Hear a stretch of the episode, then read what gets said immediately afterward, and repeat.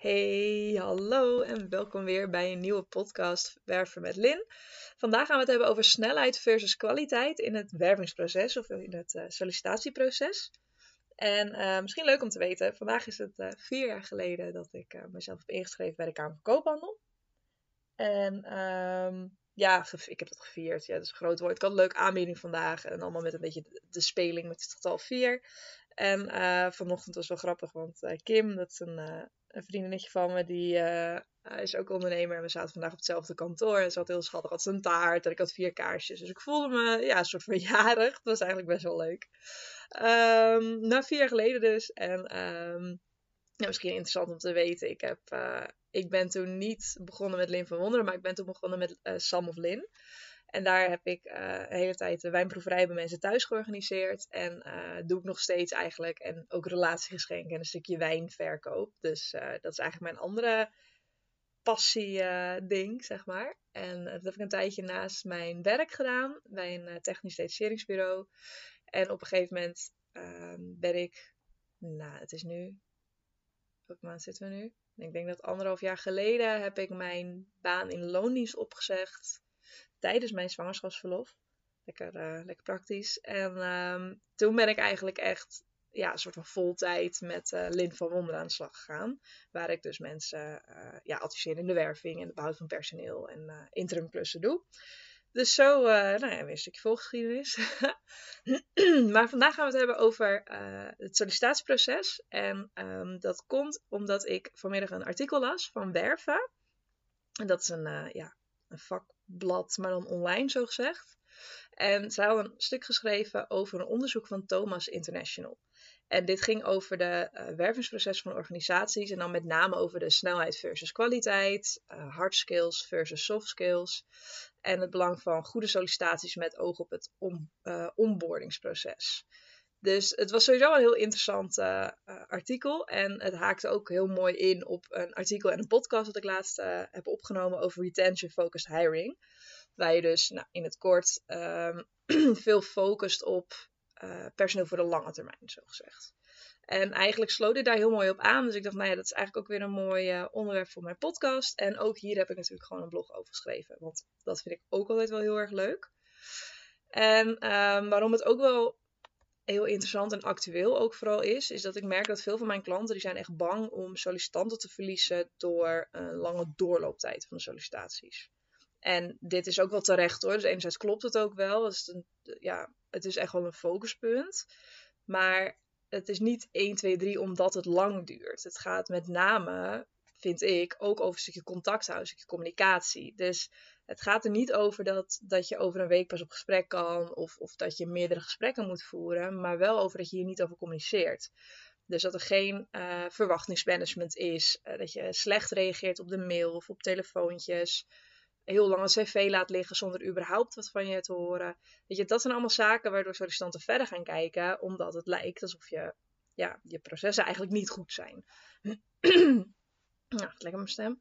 En uh, nou ja, wat je hierop kan doen um, om dit een beetje tegen te gaan, is dat je je sollicitant hier dus heel erg in meeneemt. Dus heel erg blijven communiceren, duidelijk zijn in je vervolgstappen, de verwachtingen uitspreken en hier dan ook aan houden. Dus als jij zegt, joh, we hebben altijd drie gesprekken en dan nog een test, dan weet de sollicitant in ieder geval waar hij aan toe is.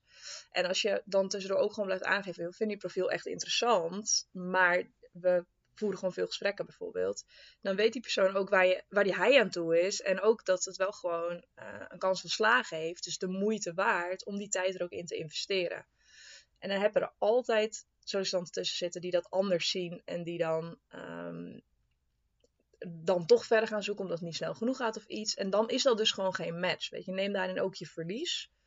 Vind dat dan ook dus nog wel eens geen verlies. Want als een sollicitant niet de moeite neemt om ja, uh, de, voor beide kanten de gesprekken te voeren om zeker te weten dat je een goede match hebt, dan zegt dat denk ik ook wel wat over de sollicitant zelf. Um, en eigenlijk een goed voorbeeld van me was een oud klant. Slokje drinken. En um, nou ja, die, dat is geen klant meer van mij, maar uh, daar heb ik een tijdje voor gewerkt. En die was heel, heel erg bang om um, sollicitanten te verliezen. Wat ik ook wel snapte, want ze hadden echt iemand nodig. Maar hierdoor legden ze de focus in mijn ogen een klein beetje verkeerd, omdat ze die focus heel erg legden op snelheid houden. Dus eigenlijk was, ja, hadden één of twee heel vluchtige gesprekken waren dan genoeg. Terwijl die gesprekken niet eens met de eigenaressen of, uh, of de beslissingsbevoegde mensen waren. En dan was het eigenlijk een beetje, nou neem deze persoon maar aan, een soort van op goed geluk. Uh, zolang we er maar niet mislopen. Dus nou ja, het voelt een beetje dat ze zo bang waren om te verliezen. Dat ze dan maar liever uh, die persoon maar binnenhaalden en dan maar zouden zien. Maar ja, dat, dat is eigenlijk niet helemaal de juiste manier. Of in ieder geval niet hoe ik graag werk. Laat ik het dan daarop houden. Want je, gaat, je wilt toch investeren in iemand. En iemand ook in jou als bedrijf. En dan moet je zeker weten dat je een goede match hebt. En uit het onderzoek wat ik dus heb gelezen, dan blijkt dus ook dat 60% van de nieuwe medewerkers binnen zes maanden vertrekt. Ik vind dat echt, echt, echt heel erg veel. Het is gewoon echt meer dan de helft. Die zijn binnen een half jaar gewoon weg. En kijk, als ik dan terughaal naar dat verhaal over die oud klant van mij, dan snap ik dat wel. Want er is helemaal geen kans om elkaar. Het is eigenlijk een soort speeddaten. Je hebt helemaal geen kans om elkaar goed te leren kennen en de normen en waarden te vergelijken. Nou ja, dus weer even terughalen naar dat uh, retentie recruitment. Dat je echt kijkt of je een match bent. Um, ja, heel relaas.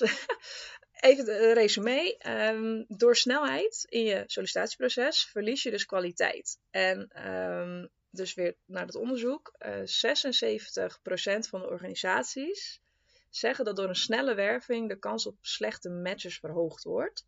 En 38% vindt dat snelle werving meer geld kost door een onsuccesvolle werving. En waar dat hier dus ook nou ja, fout tussen aanhalingstekens uh, gaat, is dat zij focussen op hard skills in plaats van soft skills. Dus eigenlijk pure kennis en opleidingen en echt uh, inhoudelijke kennis tegenover bijvoorbeeld uh, aanleg en leervermogen en, en persoonlijkheid. En ze zeggen wel dat het langer duurt als je echt focust op soft skills. Dus de time to hire duurt langer voordat je iemand vindt. Maar aan de andere kant, als je focust op hard skills, duurt het lang voordat ze operationeel zijn. Dus de tijd tot de productiviteit. En wat dit eigenlijk dus zegt, is dat als jij als organisatie heel erg focust op die soft skills, dat de werving misschien wel langer duurt, maar deze persoon wel nieuwe stof sneller tot zich neemt. En dat de inwerktijd, dus de onboarding, korter wordt. Dus, nou ja, hè, conclusie, sneller productief. En ik denk dat dit wel iets is wat, wat lastig is. Kijk, ik noemde het altijd het schaap met vijf poten. Eh, in dit artikel had het volgens mij over de paarse eekhoorn. Kende ik niet, vind hem wel heel leuk. Uh, als, het is niet alleen dat je niet puur hoeft te kijken naar de hard skills, maar het is ook nog eens dat mensen best wel een onwerkelijk profiel gaan opstellen met heel veel hard skills. Waardoor je echt een lijst krijgt dat je denkt, nou, dit, dit, is, dit bijna niet haalbaar. En als je zo iemand vindt, kan het ook nog eens een enorme lul zijn. Dus leuk dat hij dan uh, eh, 800 opleidingen heeft gedaan. Maar als het een heel onaangenaam persoon is, is het alsnog geen mes. En eigenlijk komt het dus op neer dat je niet puur kijkt naar de snelheid versus kwaliteit, maar veel meer hoe je de beste werving kan opzetten en op deze manier niet meer. Uh, en um, je moet dus niet alleen de onboarding aanpassen naar de persoon, maar uh, je richt je op deze manier ook veel meer op retentie, dus personeel voor de lange termijn.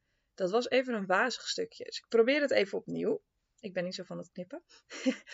um, je kijkt dus niet naar snelheid versus kwaliteit, maar je kijkt eigenlijk meer hoe je het sollicitatieproces of de wervingsproces zo kan inzetten dat je de onboarding kan perfectioneren en op die manier het personeel dus binnen kan houden. Nou, dit klinkt een stuk logischer. maar denk daar maar eens bijvoorbeeld over na. Want uh, je hebt bijvoorbeeld een dominant persoon. Die heeft tijdens zijn inwerk heeft heel veel meer autonomie en uitdaging nodig dan een andere persoon die bijvoorbeeld veel meer timide is of wat onzekerder. En zo heeft iedereen zijn eigen voorkeur voor, voor zijn inwerktraject. En het is eigenlijk aan jou als organisatie om hiernaar te handelen. En zo maak je niet alleen iemand snel productief, maar bind je iemand ook aan je organisatie. Want je kijkt, wat heeft die persoon nodig? En kijk, als je daar meer over wilt weten, dan verwijs ik graag naar een podcast over retention, uh, focus hiring. Want daar vertel ik dan meer over hoe je uh, het, over alle tips hoe je personen op de lange termijn aan je organisatie kan binden. Maar dit is wel een heel groot deel daarvan. En die benoem ik daar overigens niet. Dus dit is een extra. Pas het onboardingsproces goed aan aan jouw sollicitant. En hoe je dit bijvoorbeeld kan doen, is bijvoorbeeld uh, zo'n gedrags- of persoonlijkheidstest doen. je, ja, je zou kunnen denken aan een IQ-test. Daar ben ik zelf niet zo'n fan van. Maar je hebt wel bijvoorbeeld emotionele intelligentietesten. Dus daar kijken ze echt hoe iemands aanleg, aanleg is in het opnemen van de stof. En het eigen maken van nieuwe dingen. En op die manier kijk je dus eigenlijk, nou ja, ja, is het hoe slim iemand is, maar in ieder geval hoe snel die dus jouw materie tot zich neemt. En eigenlijk is dat veel belangrijker, omdat je graag wil dat iemand het niet alleen op jouw manier doet, maar ook gewoon uh, qua persoon goed in je team past. En dan vervolgens de stof heel snel tot zich neemt. En dat is natuurlijk top. Dus ja, resume kortom, het gaat niet alleen om de snelheid, maar ook duidelijke communicatie, communicatie tijdens de sollicitatieprocedure. En ook daar houdt het dus niet op. Uh, kijk naar soft skills in plaats van hard skills. Dus kennis kan iemand opdoen, maar een persoonlijkheid verander je niet. En uh, ja, ik, ik vind het wel echt een heel leuk artikel. Omdat ik wel, ik sluit me hier heel erg bij aan. Omdat ik vind dat er soms te weinig wordt gekeken naar persoonlijkheid en veel meer naar de kennis die iemand al heeft. Terwijl, dat heb ik zeg ik wel vaker, je kan beter iemand kneden die goed in je team past, dan dat je echt iemand eigenlijk soort van moet, ja, bijna moet breken, omdat je hem zover moet ombuigen, omdat die persoon het wel weet en het dan opeens moet aanpassen naar jouw organisatie. En dat is natuurlijk best wel, uh, ja, best wel een ding. En dat was dan eigenlijk ook de podcast over snelheid versus kwaliteit in het sollicitatieproces. Ik hoop dat je er wat aan hebt gehad. Als je het leuk vindt, zou ik het heel leuk vinden als je een, uh, ja, een review of een, of een, hoe heet dat? Beoordeling, dat is het, zou willen geven uh, op mijn podcast.